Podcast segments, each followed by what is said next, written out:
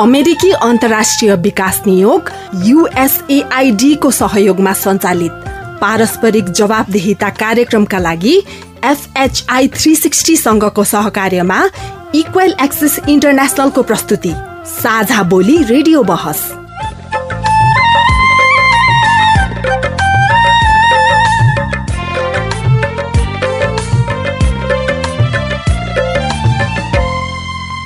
नमस्कार। साझा बोली रेडियो बहसमा तपाईँलाई स्वागत छ। म मनु। साझा बोली रेडियो बहसमा हामी नागरिक समाज आम संसार माध्यम र सार्वजनिक निकाय बीचको पारस्परिक जवाबदेहिता र आपसी दिगो सम्बन्धका विषयमा बहस गर्छौँ।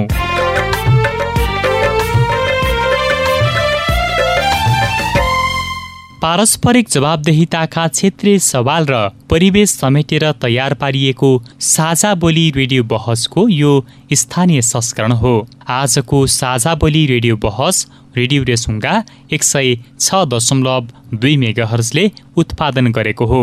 साझा बोली रेडियो बहसको यो श्रृङ्खला रेडियो मदन पोखरा पाल्पा र रेडियो देउराली अर्घाखाँसीबाट पनि प्रसारण हुन्छ।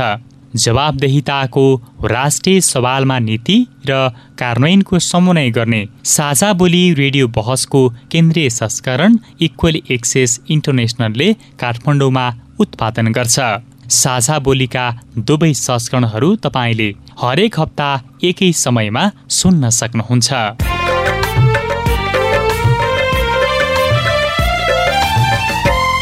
साझा बोली रेडियो बहसको यस सत्रको यो स्थानीय संस्करणको आज छैठौँ भाग हो।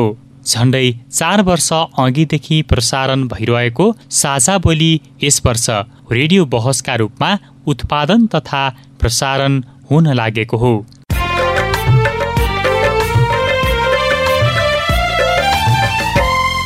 साझा बोली रेडियो बहसको आजको भागमा हामी पहिरो प्रभावितहरूको व्यवस्थापनमा चुनौती समाधानको तरिका र पालिकाको पहलका विषयमा बहस गर्दैछौ। कि हामी नागरिकहरूलाई सुविधा चाहिन्छ? दिने पनि सरकारले नै हो। हामीले माग्ने पनि सरकारसँगै हो। त्यस्तै कार्यक्रममा पहिरो प्रभावितहरूको व्यवस्थापनका विषयमा तपाईँ सिधा प्रश्नको सिधा जवाब पनि सुन्न सक्नुहुन्छ। खै सर भन्नु त भन्दै हुनुहुन्थ्यो अलि राम्रो ठाउँमा लगेर घरहरू बनाइदिने। अहिलेसम्म त्यस्तो केही भएकै छैन। साथै पहिरो प्रभावितहरूको व्यवस्थापनका लागि पालिकाले गरिरहेको पहलका विषयमा पनि चर्चा गर्नेछौ। पानी पर्दा आएर शिविरमा बस्नुहुन्छ उज्यालो नहुँदै त्यही चाहिँ एकदम चाहिँ पहिरो गएको ठाउँ भग्नावशेष भएको ठाउँमा उहाँ चाहिँ आफ्नो त्यो आफ्नो जमिनको चाहिँ मायाले चाहिँ उहाँ जानुहुन्छ साझा बोली रेडियो बहस अमेरिकी अन्तर्राष्ट्रिय विकास नियोग युएसएआइडी मार्फत अमेरिकी जनताहरूको सहयोगका कारण सम्भव भएको हो। यस कार्यक्रमभित्रका विषयवस्तु र सामग्री पारस्परिक जवाबदेहिता कार्यक्रमका एकल जिम्मेवारी हुन्। र यहाँ प्रस्तुत भनाइले युएसएआइडी वा अमेरिकी सरकारको विचार प्रतिबिम्बित गर्छन् भन्ने जरुरी छैन। रेडियो कार्यक्रम साझा बोलीमा तपाईँलाई फेरि स्वागत छ। पहिरो प्रभावितहरूको व्यवस्थापनमा चुनौती समाधानको तरिका र पालिकाको पहल विषयमा कुराकानीका लागि यतिखेर कार्यक्रममा उपस्थित भइसक्नु भएको छ। गुल्मीको इस्मा गाउँपालिका अध्यक्ष लक्ष्मण विष्ट र नागरिक प्रतिनिधि गोविन्द गौतम। अब हामी विषय प्रवेश गर्छौँ। आजको छलफलको विषय हो पहिरो प्रभावितहरूको व्यवस्थापनमा चुनौती समाधानको तरिका र पालिकाको पहल। यो विषयमा हामी छलफल गर्नेछौँ। सबैभन्दा पहिले इस्मा गाउँपालिकामा पहिरो प्रभावित भई विस्थापित भएकाहरूको अवस्था र चाहना कस्तो छ त? केही नागरिकहरूका कुरा सुनौ। आज खरो छलफल हुनेछ। कान थापेर सुन्नुहोला। बसन्ती घर तिन वान नम्बर एक हजुर। बस्न चाहिँ जोके पानी घरमै चाहिँ बसे हजुर। जोखिम त अब यस्तो पानी पर्दाखेरि उहाँबाट झर्छ कि जस्तै छ के अब बङ्गालो त लैदियो अब बङ्गालो बाख्रा खोरहरू लैदिए वस्तुहरू मरे अब त्यो बङ्गालो बनाउने ठाउँ पनि छैन घर यता तल एउटा खेत खाइदियो। खेताको अब बङ्गालो सङ्गालो लैदियो। अब यहाँ खेतामा पनि अब त्यति उचित त छैन छ नि त। त्यही घर बनाउने जस्तै भयो यसो हुँदो रामलाई त। अब यताउति चढेर भने फेरि अब परिवार ठुलो छ। अब नानी बाबुहरू पनि मस्ते मस्ते छन्। अब एउटा खेत यहाँ तल खाएको र अब यही खेतामा खेत पनि अब खास चारी खेत जस्तो हो। अब त्यही एउटा बङ्गालो जस्तो त्यस्तै बनाएर बस्ने बसोबास हुँदो बहादुर कुँवर इस्मा गाउँपालिका वार्ड नम्बर एक टोलको नाम जुके पानी पहिरोले माथिबाट आएर घर भत्काएको सर। अब पोहोर साल दुई हजार सतहत्तर असार अठार गते। मेरो त घर अब भत्कायो अनि भित्र भएको अनाजहरू सबै नोक्सान भयो। अब यो प्रदेश सरकारले हो यो केन्द्र सरकारले अब तिन लाख रुपियाँ राहत दिने भनेको थियो फेरि घर बनाउनुलाई। अब यहीँ घर बनाए पर उसले पैसा दिने भयो। अब हामी यहाँ नबस्ने भएपछि उसले नदिने भयो। त्यो पहिरोको ठाउँमा बनाउने कुरो भएन।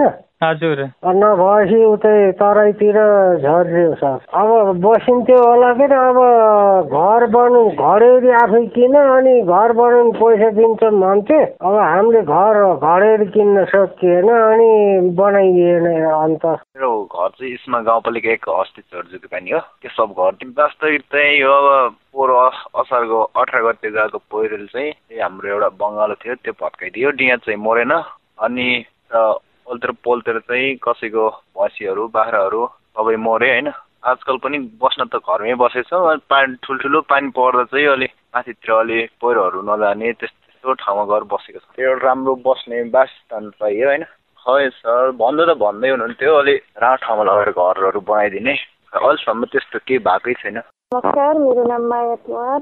इस्मा गाउँपालिका वार्ड नम्बर एक पोहोर दुई हजार सतहत्तर साल असार अठार गते गएको पहिरोको पहिरो पीडित हो। हाम्रो घरमा भएको घर खेत बारी बस्ने बास पनि त्यति ठिक छैन। खेत लैदियो बारी पनि गरेर जस्तो छैन अनि त्यही त्यही भएर म अहिले भाडामा अरूको घरमा केही गरेर बस्छु। अनि अहिले हाम्रो स्थानीय सरकारले अब पहिला त भन्यो होइन हामीले पीडितहरूलाई कतै लगेर अन्त व्यवस्थापन गर्छौँ के गर्छौँ भनेर अहिले त्यस्तो वास्ता गरेको जस्तो लाग्दैन मलाई। खै हाम्रो अब कसैको नजर नलागेको जस्तै देख देख्छु देख्दाखेरि हामीलाई अहिले यो पा इस्मा गाउँपालिकाले हामी म अनि म जस्तै अरू पीडितहरूलाई पनि एउटा राम्रो ठाउँमा गएर बस्ने व्यवस्था बस्ने बासको व्यवस्था गरिदिए हाम्रो समस्याको समाधान हुन्थ्यो होला भन्ने जस्तो लाग्छ मलाई। अध्यक्षजी यो एक वर्ष पनि भइसक्यो। अझै पनि जोखिम मोलेर पहिरो प्रभावित क्षेत्रमा त्यहाँका केही नागरिकहरू बस्न बाध्य भइरहनु भएको छ। तपाईँ चाहिँ के भन्नुहुन्छ?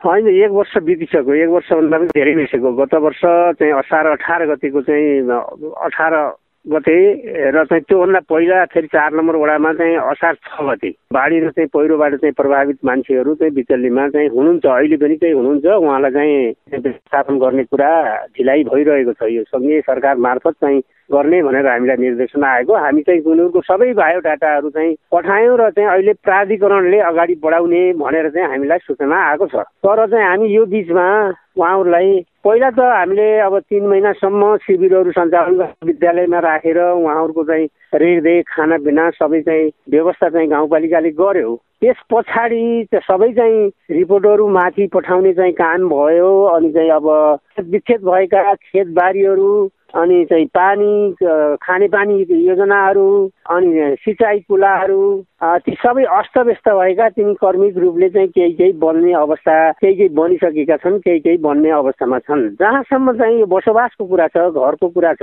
त्यति बेलै शिविरमा राखेर चाहिँ हामीले उहाँहरूसँग धेरैचोटि चाहिँ छलफल गऱ्यौँ। एकीकृत बस्तीको चाहिँ लागि चाहिँ हामीले उहाँहरूसँग चाहिँ छलफल गरिरहँदा उहाँहरू चाहिँ आफ्नो ठाउँ छोड्न चाहनु भएन अनि त्यसपछि अब बर्खा सिद्धिसकेपछि उहाँहरू फर्किएर त्यही ठाउँमा जानुभयो। र पछि हामीले चाहिँ सङ्घीय सरकार प्रदेश सरकारसँग चाहिँ जो जे जे जुन ती सम्झेर चाहिँ प्रदेश सरकारले चाहिँ कमिटमेन्ट गर्नु गरेका थियो। त्यो अनुसार हामीले फलोअप गरिरह्यौँ तर उहाँबाट सम्बोधन गर्न चाहिँ ढिलाइ भएको अवस्थामा निम्न स्तरका जो चाहिँ घरवास पनि छैन बनाउने हैसियत पनि छैन ठाउँ पनि छैन त्यसका मान्छेहरूलाई गाउँपालिकाको तर्फबाट दसवटा घर हामीले चाहिँ निर्माण चाहिँ गरेर दुईवटा घर चाहिँ अलि अधुरा छन् बन्दै छन्। अरू आठवटा घर कम्प्लिट भइसके त्यसरी चाहिँ बनाइदिएर चाहिँ व्यवस्थापन गरेका छौँ। जहाँसम्म हामीलाई चाहिँ गाउँपालिकाले चाहिँ बस्ती विकास गरेन भनेर चाहिँ भन्ने कुरो चाहिँ रहला। तर चाहिँ हामी गर्न कोसिस गरेको उहाँहरूलाई चाहिँ एजुकेट बस्तीमा चाहिँ ल्याउने एउटा ठाउँ चाहिँ छनौट गर्ने अनि चाहिँ उहाँहरूलाई चाहिँ त्यो ठाउँमा लगेर चाहिँ राख्ने भनेर हामीले चाहिँ सोचिरहेको अवस्थामा उहाँहरू चाहिँ आफ्नो चाहिँ बसेको ठाउँ चाहिँ छोड्न चाहनु भएन गोविन्दजी तपाईँ चाहिँ के भन्नुहुन्छ? खास गरी त्यहाँका पहिरो प्रभावितहरूको यो अलिकति व्यवस्थापन पुनर्स्थापना गर्ने कुरामा चाहिँ ढिलाइ भयो? केही हामीले यसभन्दा अगाडि नागरिकहरूका कुरा पनि सुनेका थियौँ। मनुजी वास्तवमा अध्यक्षज्यूले धेरै कुराहरू प्रष्ट गरिदिनु पनि भएको छ। र उहाँ आफैले के भन्नुभयो भने हामीले शिविर सञ्चालन गर्ने र रिपोर्टिङ गर्ने काम सम्पन्न गरेको कुरा बताइरहँदा। त्यहाँको स्थानीय परिवेश के हो? त्यहाँको भौगोलिक अवस्था के हो? बाढी पहिरो पीडितहरूका लागि स्थानीय सरकारबाट गर्नुपर्ने मुख्य कामहरू के के हुन् भन्ने कुराहरू नै नीतिगत समस्या भएको देखिन्छ। तत्काल रूपमा व्यवस्थापन गर्ने कुरा देखियो। तर जहाँसम्म सुरक्षित स्थानमा बसोबास गराउनका निम्ति हामीले स्थानीय तहबाट वडा तहबाट पालिका तहबाट त्यहाँको नागरिकहरूसँग व्यापक छलफल गर्ने तिनीहरूलाई सुरक्षित स्थानमा लैजानुपर्ने कारणहरूको बारेमा सुसूचित गर्ने र तिनीहरूलाई सुरक्षित स्थानमा बस्नका निम्ति राज्यको तर्फबाट एस्योर गर्ने। उनीहरूको खानपानको कुरा रोजगारीको कुरा आय आर्जनको कुरा यो कुरामा मान्छेहरू कन्भिन्स नहुँदासम्म एउटा नेपालीहरूमा अन्तर्निहित राष्ट्रवाद का कारणले उनीहरू आफ्नो जन्मभूमि आफ्नो कर्मभूमि तत्काल छाड्न चाहिँ नमान्ने अवस्था रहन्छ। र उनीहरूलाई त्यसका निम्ति स्थानीय सरकारको तर्फबाट कमसेकम उनीहरूको जीविकोपार्जनका निम्ति र सन्ततिको सुरक्षाका निम्ति उनीहरूलाई एस्योर गर्ने ग्यारेन्टी गर्ने र उनीहरूलाई चेतना अभिवृद्धि गर्ने खालको काम हुनुपर्ने हो अब यो। तर हामीले जहाँसम्म देख्दा तत्कालका लागि राहत उपलब्ध भएको हामीले पनि महसुस गरेका हौँ मान्छेहरूलाई। खानाका निम्ति बस्नका निम्ति उहाँहरूले अत्यन्तै मेहनत गरेर दुःख गरेर गाउँपालिकाका कर्मचारीहरू जनप्रतिनिधिहरू अध्यक्ष उपाध्यक्ष वडाध्यक्षहरूले नागरिक समाजका प्रतिनिधि अगुवाहरू र आन्तरिक कर्मीहरू अत्यन्तै मेहनत गरेर चाहिँ लागि जति बेला बाढी पहिरो पीडित को अवस्था थियो। तर वास्तवमा त्यसपछि हामीले त्यो समस्यालाई निरन्तरता दिने कुरामा डाटा पठाउने अनि त्यसपछि कसैले सोध्यो भने औपचारिक कुरा गर्ने यसमा मात्रै हामी सीमित रहेको हामीले महसुस गरेको र खास त्यहाँका जनताहरूको मुख्य कुरा के हो भने त्यो चाहिँ उनीहरूको भविष्य सुरक्षित हुन्छ कि हुँदैन भन्ने कुरा महत्त्वपूर्ण कुरा हो।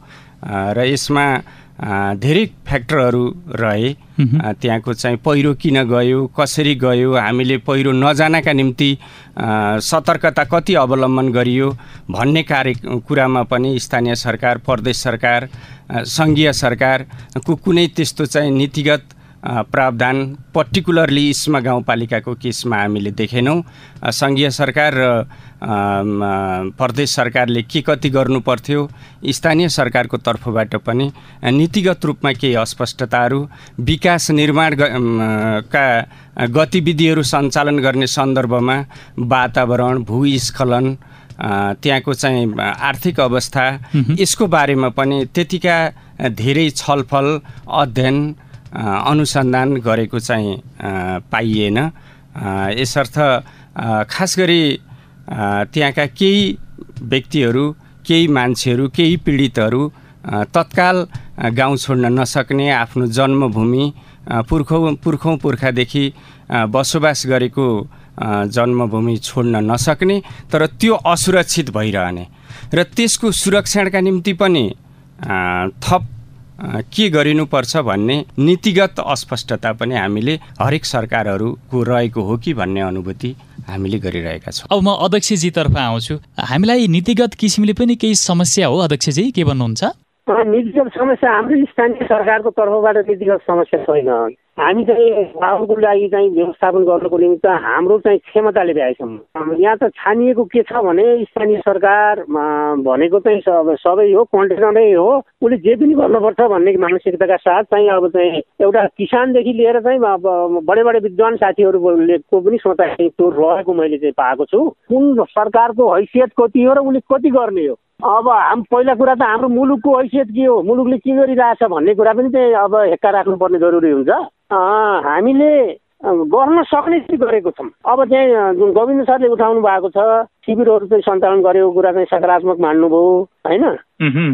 यो यो कुरा तर त्यति मात्रै होइन। हामीले त्यो चाहिँ पहिरो के कारणले गयो अनि चाहिँ त्यो त्यहाँको चाहिँ भू अवस्था के छ भनेर पनि भूगर्भविदहरूलाई पनि ल्याएर चाहिँ त्यो अध्ययन गराइयो र चाहिँ त्यो जहाँ जति ठाउँमा चाहिँ गत वर्ष चाहिँ पहिरो गयो त्यो ठाउँमा बस्न योग्य छैन त्यहाँ बसोबास गर्न योग्य छैन भनेर सिफारिस गरेको अवस्था छ। तर त्यही कुरा त्यहाँ चाहिँ का बासिन्दाहरू जो पीडित हुनुहुन्छ उहाँहरूलाई राखेर कुरो गर्दा हुन पनि अब अर्को विकल्प छैन। अहिले भर्खरै चाहिँ राज्यले चाहिँ केही दिन नसकेको स्थानीय सरकारले चाहिँ प्लटका प्लट चाहिँ उहाँहरूलाई चाहिँ जग्गा बाँड्ने हैसियत छैन। तर चाहिँ हामी के केसम्म गर्न सक्छौँ भने उहाँहरूको चाहिँ पुनर्वासको निमित्त एकीकृत बस्ती स्थापना गरेर केही चाहिँ बिगाहरू चाहिँ जमिन चाहिँ हामीले गाउँपालिकाको तर्फबाट खरिद गरेर उहाँहरूलाई त्यहाँ सिफ्ट गर्न चाहिँ सक्थ्यौँ। त्यो कुरा चाहिँ हामीले अगाडि बढायौँ उहाँहरूसँग छलफल गऱ्यौँ। तर अब त्यति बेलै हामीले शिविरमा राखेको बेला के भयो भने रातिमा पानी पर्दा आएर शिविरमा बस्नुहुन्छ उज्यालो नहुँदै त्यही चाहिँ एकदम चाहिँ पहिरो गएको ठाउँ भग्नावशेष भएको ठाउँमा उहाँ चाहिँ आफ्नो त्यो त्यो आफ्नो जमिनको चाहिँ मायाले चाहिँ उहाँ जानुहुन्छ। यसो नगर्नुहोस् भनेर पनि उहाँहरूलाई हामीले चाहिँ सम्झाउनु पर्ने चाहिँ परिस्थिति भयो। जुन चाहिँ घरबारविहीन हुनुभएको र अब अरू सरकार हामीभन्दा माथिल्लो चाहिँ सरकारहरूले चाहिँ सम्बोधन गर्ने सन्देश आइरहेको बेला उहाँहरूले चाहिँ गर्नुहुन्छ कि भनेर चाहिँ आश गरिरहँदा त्यो सरकारले चाहिँ अहिले ढिलाइ गरेको हुनाले दसवटा घर चाहिँ निम्न स्तरका मान्छेलाई चाहिँ सेलेक्ट गरेन। होइन जसको घर भत्किया छ एउटा गोठ छ भने गोठमा चाहिँ आश्रय लिनुभएको छ भने उहाँलाई पनि अहिले छोडेका छौँ कि हामी होइन? वैकल्पिक चाहिँ ठाउँ छ भने उहाँलाई पनि छोडेका छौँ। त्यसपछि अब त्यो जसको कहाँ कहीँ कतै केही छैन त्यस्तो मान्छेहरू मान्छेहरूलाई चाहिँ छानेर हामीले दसवटा घर गएको अब वर्ष चाहिँ बनायौँ र यो वर्ष पनि चाहिँ हामीले त्यस्ता मान्छेहरूलाई चाहिँ फेरि घर निर्माण गरिदिने चाहिँ योजनामा छौँ। र चाहिँ केही घरहरू हाम्रो क्षमताले कति घर बनाउन भ्याउँछ यो आर्थिक वर्षमा होइन? त्यस हिसाबले हामीले अगाडि बढ्ने कुरा हामीले नीतिगत रूपमै चाहिँ व्यवस्था गरेका छौँ। हामीले यो बिचमा केही सिँचाइका कुलाहरू पनि निर्माण गरेका छौँ। यो बिचमा निस्ती फाँटमा चाहिँ तटबन्धको चाहिँ कुरालाई पनि अगाडि बढाएका छौँ। निस्ती फाँट ढा निस्ती खोला र चाहिँ ढाँड खोलाको चाहिँ उसमा चाहिँ हामीले तटबन्धहरू चाहिँ गरेका छौँ। होइन खानेपानी योजनाहरू अस्तव्यस्त भएको ठाउँमा चाहिँ त्यहाँ कोही ठाउँमा अस्थायी रूपमा कोही ठाउँमा चाहिँ व्यवस्थित रूपले जो चाहिँ खानेपानीका चाहिँ योजनाहरू सञ्चालन गरिरहेका हो। गोविन्दजी तर्फमै जान चाहन्छु नागरिकको दृष्टिका हिसाबले हेर्दाखेरि अहिले स्थानीय सरकार जो हामीले नजिकबाट महसुस गर्ने सरकार हो सबैभन्दा नजिकको सरकार पनि हो तर काम चाहिँ ढिला नै रह्यो। यो अवस्थामा तपाईँ एउटा नागरिकको दृष्टिबाट हेर्दाखेरि चाहिँ के भन्नुहुन्छ यसमा? मनोजी वास्तवमा हाम्रो इस्मा गाउँपालिका उच्च पहाडी क्षेत्रभित्रै पर्छ। यो महाभारत पर्वत श्रेणी अन्तर्गत नै हो। र खास गरी गत वर्ष जुन ठाउँमा वार्ड नम्बर एक र चारमा पहिरोबाट अत्यन्तै ठुलो क्षति भयो धनजनकै। यो आफैमा पनि अप्ठ्यारो ठाउँ हो अध्यक्षज्यूले पनि यो भन्नुभयो र हामीले पनि महसुस गरेका छौँ। तर खासमा यो हाम्रो इस्मा गाउँपालिकामा कुन कुन क्षेत्रहरू पहिरो प्रभावित क्षेत्रहरू हुन्। कुन कुन क्षेत्रहरू बाढी प्रभावित क्षेत्रहरू हुन्? र तिनीहरूमा हामीले अवलम्बन गर्नुपर्ने सचेतना के हो? भइपरि आइहाल्यो भने हामीले के गर्नुपर्छ? भन्ने खालका अल्पकालीन र दीर्घकालीन नीति र योजनाहरू बनेका छन्। गाउँपालिका स्तरबाट जनप्रतिनिधिहरूले धेरै मेहनत गर्नुभएको छ।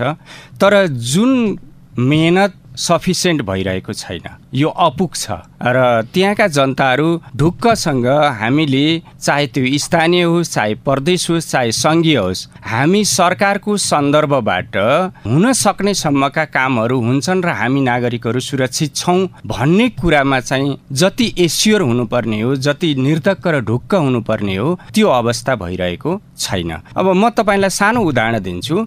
कि हामी नागरिकहरूलाई सुविधा चाहिन्छ? दिने पनि सरकारले नै हो। हामीले माग्ने पनि सरकारसँगै हो।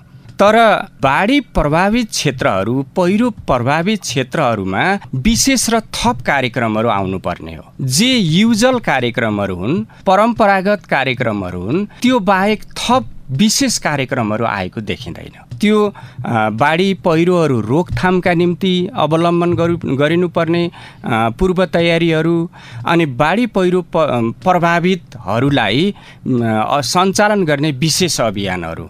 अब यद्यपि आठवटा घरहरू बने अध्यक्षज्यूको चाहिँ रिपोर्टिङ पनि भइसकेको छ। तर त्यो आठवटा घरहरू पनि त्यही पुरानै ठाउँमा बने।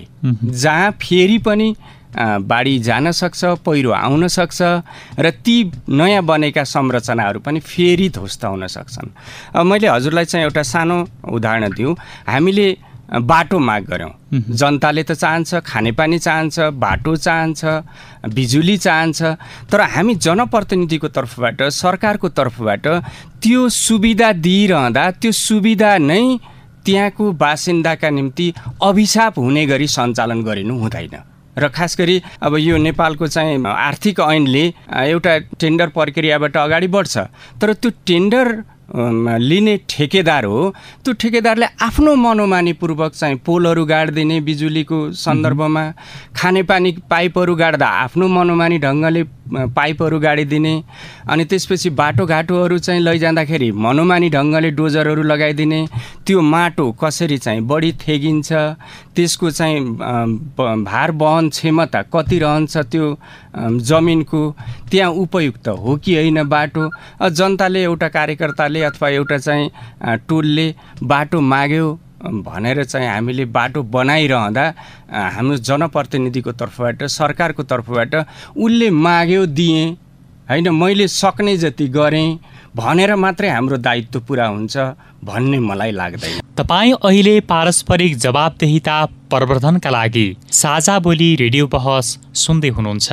हामी कुरा गरिरहेका छौँ पहिरो प्रभावितहरूको व्यवस्थापनमा चुनौती समाधानको तरिका र पालिकाको पहल विषयमा।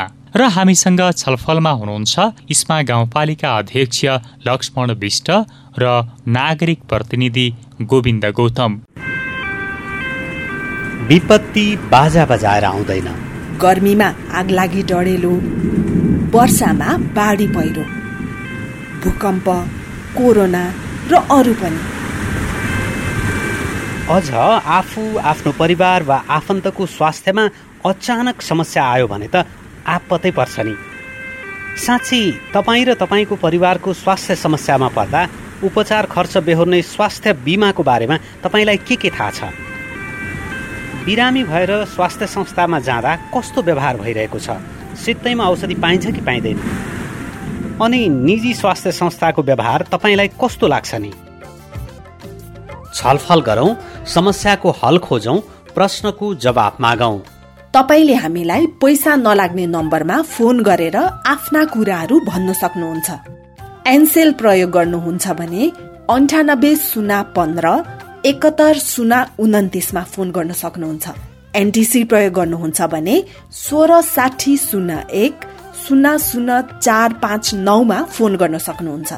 अथवा Boli Sajha at the rate Gmail dot com B O L I S A J H A at the rate Gmail dot कममा इमेल गरेर वा मेरो रिपोर्ट र साझा बोलीको फेसबुक युट्युब ट्विटर टिकटक पोस्टहरूमा सेयर लाइक वा कमेन्ट गरेर पनि आफ्ना कुराहरू भन्नु सक्नुहुन्छ।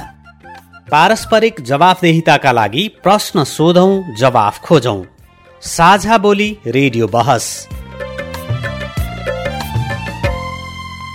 रेडियो कार्यक्रम साझा बोलीमा तपाईँ अहिले पहिरो प्रभावितहरूको व्यवस्थापनमा चुनौती समाधानको तरिका र पालिकाको पहल विषयमा सवाल जवाब सुन्दै हुनुहुन्छ।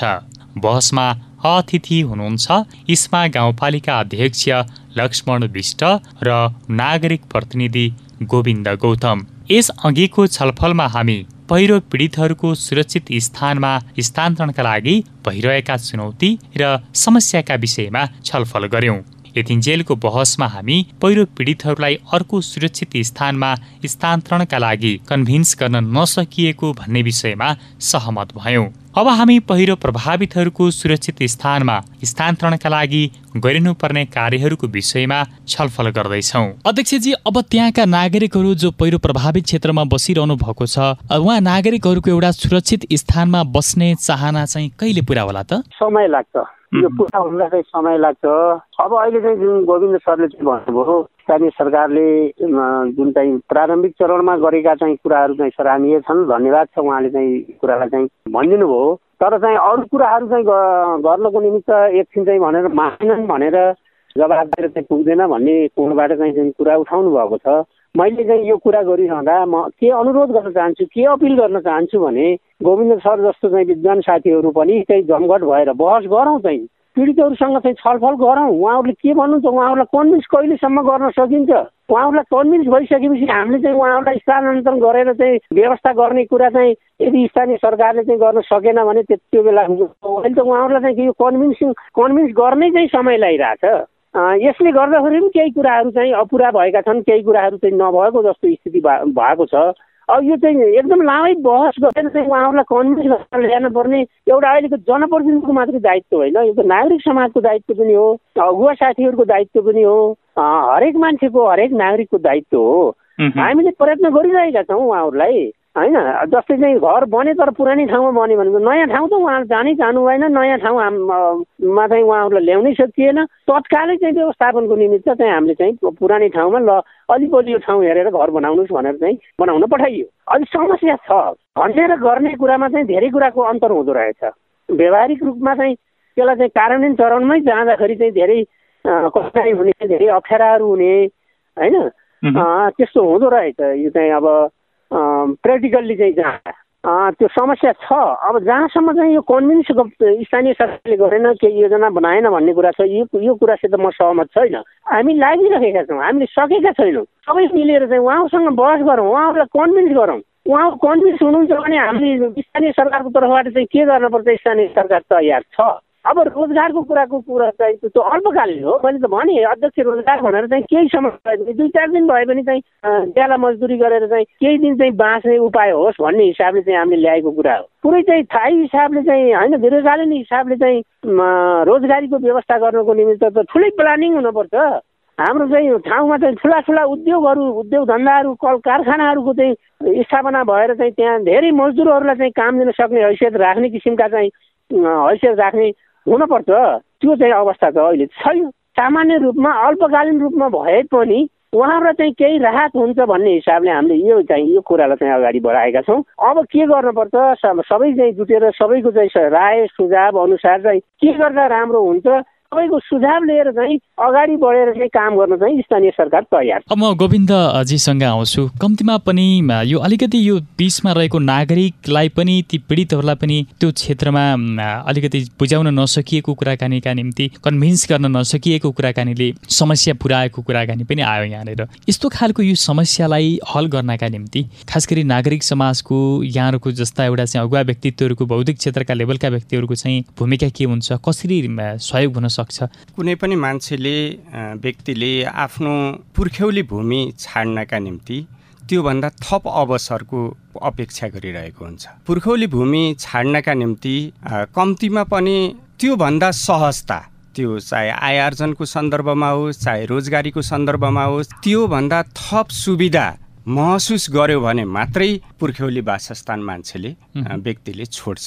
र म यही कुरा के जोड दिन चाहन्छु भने हामीले त्यहाँको जनसमुदायलाई जो पहिरो पीडित छ त्यो जनसमुदायलाई त्यहाँ भइरहेको सुविधा र सेवा भन्दा थप सुविधा र सेवाहरू प्रदान गर्ने कुरामा उनीहरूलाई विश्वस्त तुल्याउन नसक्नु नै अहिलेको मुख्य चुनौती हो। र त्यसका निम्ति हामीले अल्पकालीन कामहरूमा मैले अगाडि पनि भनिसकेँ कि स्थानीय सरकारसँग कुनै गुनासो छैन। र रोजगारीको क्षेत्रमा पनि अल्पकालीन कुराहरूमा हामी स्थानीय सरकारसँग कन्भिन्स नै छौँ। तर दीर्घकालीन योजनाहरू सामान्यतया गाउँपालिकाले स्थानीय सरकारले दीर्घकालीन आय आर्जनका कुराहरू दीर्घकालीन रोजगारीका कुराहरू ठुला ठुला उद्योगहरू स्थापना गरेर मात्रै हुन्छन् भन्ने मलाई लाग्दैन। धेरै सानो कुराले पनि दीर्घकालीन आय आर्जनका कामहरू हुन यस्ता कुराहरूमा अलिकति कतै ध्यान हाम्रो नपुगेको हो त्यहाँनिर कमी कमजोरी देखियो मलाई त्यस्तो लाग्छ। स्थानीय सरकारले केही आंशिक रूपमा चाहिँ दीर्घकालीन योजनाहरू पनि निर्माण गर्न जरुरी छ र त्यो दीर्घकालीन योजनाहरू निर्माण हुन सकेको छैन भन्ने हाम्रो अनुभूति छ। यदि दीर्घकालीन केही योजनाहरू निर्माण हुन सके र स्थानीय तहमा पीडित जनसमुदायहरूलाई हामीले यो बसिरहेको स्थानमा भन्दा फरक स्थानीय सरकारबाट प्रस्तावित स्थानमा गयौँ भने हामी रोजगारीका निम्ति आय आर्जनका निम्ति र सुरक्षाका निम्ति हामी ढुक्क हुन्छौँ योभन्दा बढी सुविधा हामीले त्यो स्थानमा प्राप्त गर्न सक्छौँ भन्ने उनीहरूलाई अनुभूति दिलाउन सक्यो भने तिनीहरूलाई स्थानान्तरण गर्न सकिन्छ र त्यसमा हामी नागरिक समाजको तर्फबाट नागरिकहरूको तर्फबाट हामीले स्थानीय सरकारलाई वडा समितिहरूलाई गाउँपालिकालाई आवश्यक सहयोग गर्नका निम्ति हामी तयार रहनुपर्छ र रहन्छौँ। हजुर अध्यक्षजी अब यी पहिरो प्रभावित क्षेत्रका ती नागरिकहरू जो जोखिम मोलेर अहिले पनि त्यही क्षेत्रमा बसिरहनु भएको छ उनीहरूको व्यवस्थापन र पुनस्थापनाका लागि अब गाउँपालिकाले थप के गर्छ त। होइन हामीले चाहिँ जस्तै गोविन्द सरले उठाए जस्तै दीर्घकालीन हिसाबले कल कारखाना मात्रै होइन अरू पनि चाहिँ वैकल्पिक उपायहरू हुन सक्छन् भनेर भन्नुभएको छ। ती वैकल्पिक उपाय पनि हामीले चाहिँ सुरुवात गरेका छौँ। जस्तै बाख्रा उद्यम परियोजना अन्तर्गत सबैलाई चाहिँ आत्मनिर्भर हुने गरी चाहिँ एउटा रोजगारी प्राप्त हुने गरी सबै अगाडि बढ्न सकुन् भनेर चाहिँ एउटा मोडलकै रूपमा हामीले चाहिँ हाम्रो गाउँपालिकालाई विकास कार्यक्रममा चाहिँ समावेश गरेका छौँ। अर्को कुरा चाहिँ कोदो ब्लक स्थापना गरेर चाहिँ अब हाम्रो चाहिँ उयसमा भनेको चाहिँ कोदाको निमित्त प्रख्यात ठाउँ हो पहिलेदेखि।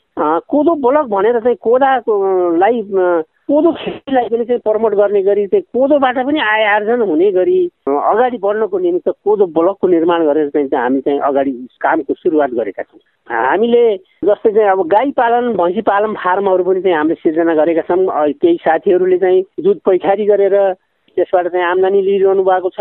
अहिले चाहिँ अहिले चाहिँ एउटा भैँसी फार्म फर्म चाहिँ वार्ड नम्बर एकको चाहिँ उजुङमा हाम्रो गाउँपालिकाको तर्फबाट चाहिँ उहाँहरूलाई चाहिँ सपोर्ट गरेर चाहिँ तेह्रवटा चाहिँ उन्नत जातका भैँसीहरू ल्याएर काम सुरु भएको छ। अनि अब कृषितर्फ अब हामीले अब यो चाहिँ कफी खेती गर्नको निमित्त पनि चाहिँ हामीले लगानी गरिरहेको अवस्था छ।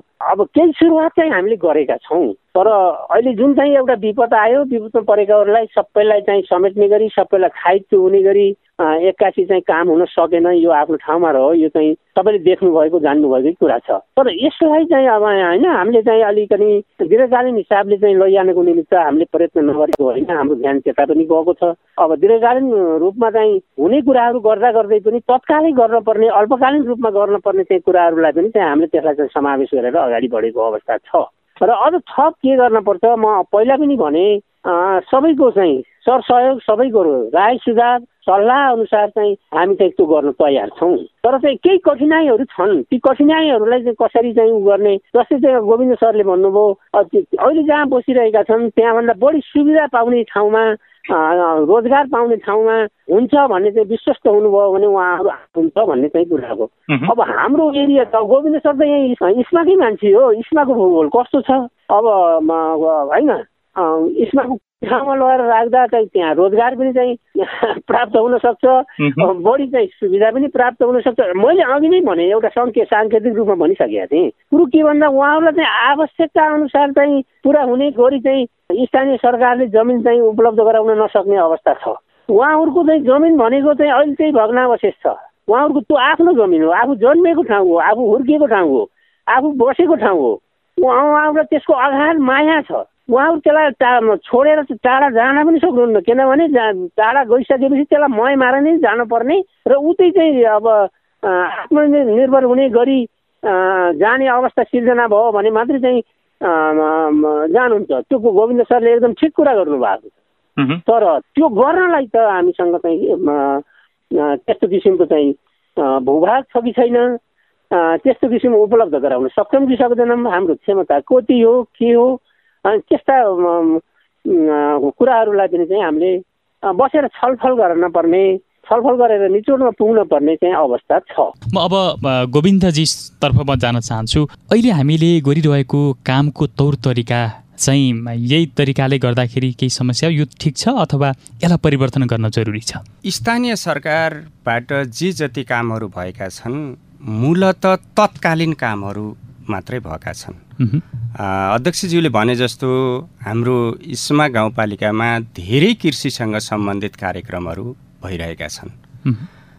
तर सामान्यतया देख्दा के छ भन्नुहुन्छ भने हामीले लगानी त गरिरहेका हुन्छौँ तर त्यसको प्रतिफल आइरहेको हुँदैन।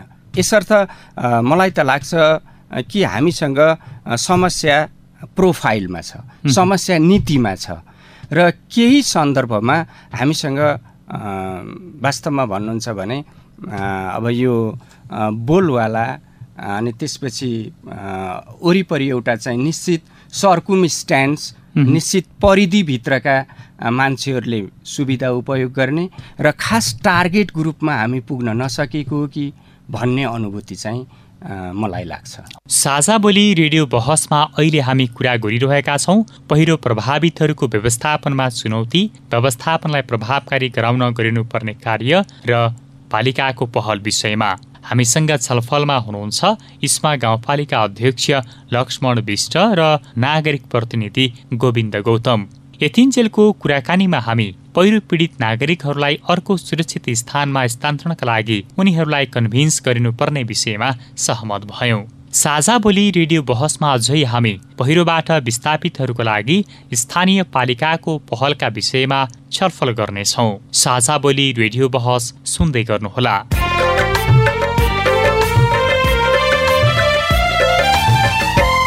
तपाईँ अहिले पारस्परिक जवाबदेहिता प्रवर्धनका लागि साझा बोली रेडियो बहस सुन्दै हुनुहुन्छ। आज हामी पहिरो प्रभावितहरूको व्यवस्थापनमा चुनौती पुनस्थापनालाई प्रभावकारी गराउन गरिनुपर्ने कार्य र पालिकाको पहल विषयमा सवाल जवाब गरिरहेका छौँ। बहसमा अतिथि हुनुहुन्छ इस्मा गाउँपालिका अध्यक्ष लक्ष्मण विष्ट र नागरिक प्रतिनिधि गोविन्द गौतम। यसअघि हामीले पहिरो प्रभावितहरूको पुनस्थापनाका लागि गरिनुपर्ने कार्यका विषयमा छलफल गर्यौं अब हामी पहिरोका कारण विस्थापित पीडितहरूलाई स्थापितका लागि स्थानीय पालिकाको पहलका विषयमा छलफल गर्दैछौ। प्रभावितहरूलाई चाहिँ पुनस्थापनाका निम्ति अब खास गरी अहिले गरिराखेका अभ्यासलाई हेर्दाखेरि र अब थप गर्नुपर्ने कार्यहरूलाई समीक्षा गर्दाखेरि चाहिँ कसरी अगाडि बढ्नु पर्ला यसमा खास गरी कि कुनै पनि व्यक्तिलाई आफ्नो जन्मभूमि छाड्नका निम्ति त्योभन्दा थप सुविधाको महसुस गराउन जरुरी हुन्छ। र त्यसमा स्थानीय सरकारसँग प्रोफाइल हुन जरुरी छ स्थानीय सरकारसँग योजना हुन जरुरी छ र नागरिक समाजको तर्फबाट हामीले त्यो कुरालाई स्थानीय सरकार र कुनै पनि सरकारहरूले ल्याएको कुरालाई सपोर्टिङ बेसमा हामी संलग्न हुने कुरा यहाँनिर रोकिहालेँ गोविन्दजी यसमा नागरिक समाज आम समुदाय बुद्धिजीवी जनप्रतिनिधि कर्मचारी त्यसै गरी आम संसार जगतको पनि एउटा मिडियाको पनि के भूमिका रहन सक्छ? यसमा मिडिया जन नागरिक समाज र बुद्धिजीवीहरूको भूमिका के मात्रै हो भने गर्ने स्थानीय सरकार वा सङ्घीय सरकार वा प्रदेश सरकार सरकारले नै हो गर्ने। हामीले गर्ने भन्ने त्यस्तो हुँदैन। हाम्रो भूमिका भनेको स्थानीय सरकारले लिएका नीतिहरू सञ्चालन गरेका कार्यक्रमहरू अनि वितरण भएका प्रक्रियाहरू ठिक छन् कि छैनन् हामीले त्यो कुरा मात्रै चेतनाको रूपमा अथवा सपोर्टको रूपमा अथवा विरोधको रूपमा हाम्रो भूमिका रहन्छ भन्ने लाग्छ मलाई। र यसमा नागरिक समाजको तर्फबाट पनि मिडियाको तर्फबाट पनि स्थानीय सरकारका गतिविधिहरू ठिक छन् कि छैनन् नीतिसङ्गत छन् कि छैनन् कानुनसँग सङ्गत छन् कि छैनन् र जनपक्षीय छन् कि छैनन्। यी कुराहरूको चाहिँ खोतल्ने काम यी कुराहरूलाई जनमानसमा पुर्याउने काम वास्तवमा मिडिया नागरिक समाज र बुद्धिजीवीहरूको नै हो। र यो भूमिकामा पनि हामीसँग केही कमजोरीहरू होलान्। हामीसँग चाहिँ केही स्रोत र साधनहरूका कारणले पनि मिडिया पनि ठाउँमा पुग्न नसकेको तत्काल चाहिँ टार्गेट ग्रुपमा पुग्न नसकेका अवस्थाहरू पनि होलान्। नागरिक समाजको पनि त्यही अवस्था रहन सक्छ। तर गर्ने सरकारको तर्फबाट नै हो। हामीले गर्ने भनेको खबरदारी हो। गलत भइरहेको सन्दर्भमा यो गलत भइरहेको छ भनेर खबरदारी गर्ने र राम्रो भइरहेको सन्दर्भमा जनतालाई एस्योर गर्नका निम्ति यो स्थानीय सरकारहरूले विभिन्न सरकारहरूले सञ्चालन गरेको गतिविधिहरू लिएका नीतिहरू ठिक छन्। एउटा चाहिँ साक्षीको रूपमा र सपोर्टिङको रूपमा जनतालाई विश्वस्त तुल्याउनका निम्ति यो चाहिँ नागरिक समाजले पनि सपोर्ट गरिरहेछ मिडियाहरूले पनि सपोर्ट गरिरहेछ।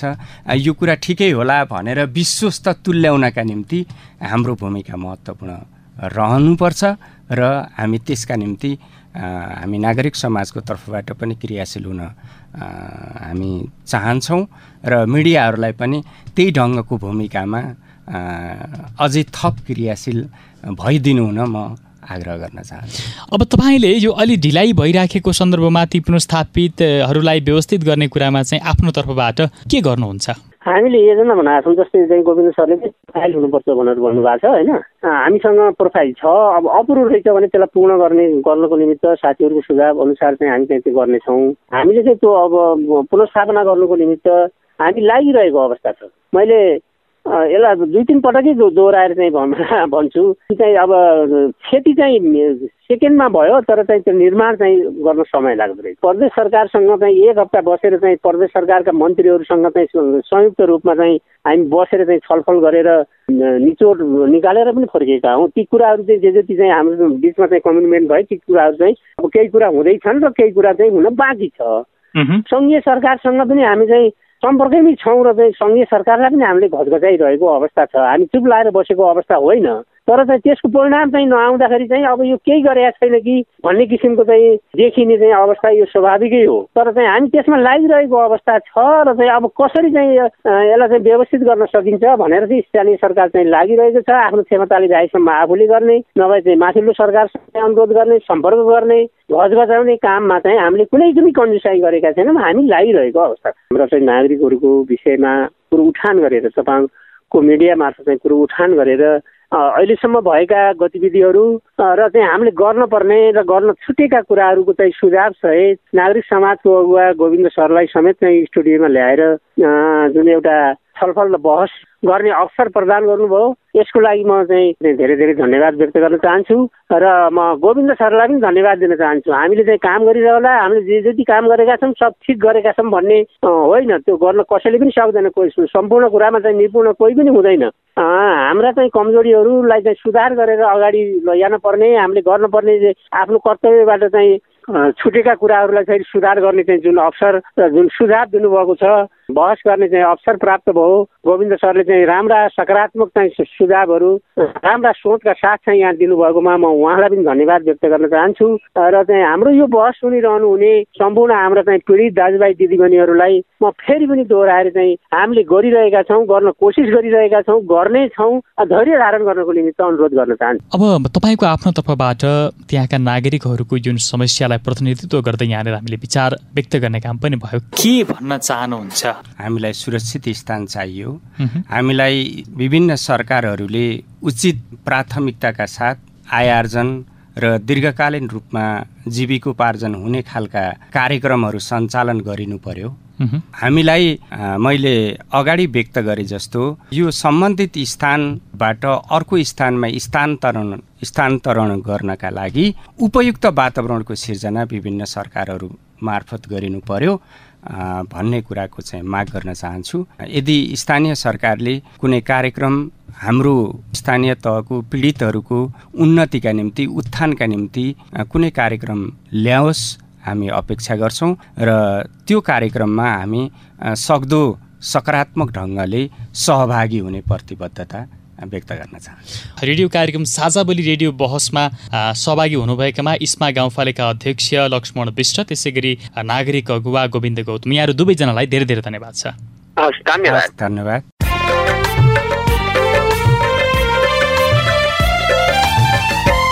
हामी साझा बोली रेडियो बहसको अन्त्यमा आइपुगेका छौँ। साझा बोली रेडियो बहसबारे मनका कुरा भन्नका लागि एनटिसीको मोबाइल वा ल्यान्डलाइन फोन प्रयोग गर्नुहुन्छ भने सोह्र साठी शून्य एक शून्य शून्य चार पाँच नौमा फोन गर्न सक्नुहुन्छ।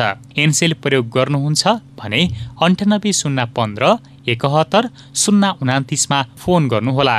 यी नम्बरहरूमा फोन गरेको पैसा लाग्दैन र प्राप्त निर्देशन अनुसार प्रश्न सोध्न सकिन्छ। पारस्परिक जवाबदेताबारे आफूले देखे सुने या भोगेका कुनै कुरा लेख मार्फत व्यक्त गर्न चाहनुहुन्छ वा अरूका लेखहरू पढ्न चाहनुहुन्छ भने W W W dot M E R O R E P O R T dot net पनि लगइन गर्न सक्नुहुन्छ। साझा बोली रेडियो बहस तपाईँले मेरो रिपोर्ट वेबसाइट पोडकास्ट च्यानल र सामाजिक सञ्जालहरूमा पनि सुन्न सक्नुहुन्छ। हवस् त। आजको साझा बोली रेडियो बहसबाट अब बिदा हुने बेला भयो। आज हामीले पहिरो प्रभावितहरूको व्यवस्थापनमा चुनौती समाधानको तरिका र पालिकाको पहल विषयमा खरो कुराकानी गर्यौं आज हामी पहिरो पीडितहरूको पुनस्थापनाका लागि आवश्यक देखिएका स्थानहरूमा थप छलफल गर्ने कुरामा सहमत भयौं। पहिरो पीडितहरूको पुनस्थापनाका लागि गाउँपालिका नै थप सक्रिय भएर तीनवटै सरकारसँगको समन्वय मार्फत नागरिकहरूको सुरक्षित स्थानमा बस्न पाउने अधिकारको सुनिश्चित गर्नुपर्छ। आजका हाम्रा अतिथि इस्मा गाउँपालिका अध्यक्ष लक्ष्मण विष्टले पीडितहरूको पुनस्थापनाका सन्दर्भमा देखिएका समस्याहरूलाई थप छलफल गरेर समाधानको पाटो पहिल्याउने प्रतिबद्धता जनाउनुभयो र नागरिक प्रतिनिधि गोविन्द गौतमले पहिरो पीडितहरूको उत्थानका लागि स्थानीय पालिकाले ल्याउने कार्यक्रममा सकारात्मक सहयोग गर्ने प्रतिबद्धता जनाउनु भएको छ। आशा छ यी प्रतिबद्धताहरू पुरा हुनेछन्। यतिन्जेल ध्यान दिएर कार्यक्रम सुन्नु भएकोमा तपाईँलाई धन्यवाद। आगामी हप्ता पनि आजको जस्तै समयमा सार्वजनिक जवाबदेहिताको अर्को विषयमा खरो छलफल लिएर आउनेछौ सुन्न नबिर्सनुहोला। आजको कार्यक्रमबाट म मनु विदा भएँ। नमस्कार।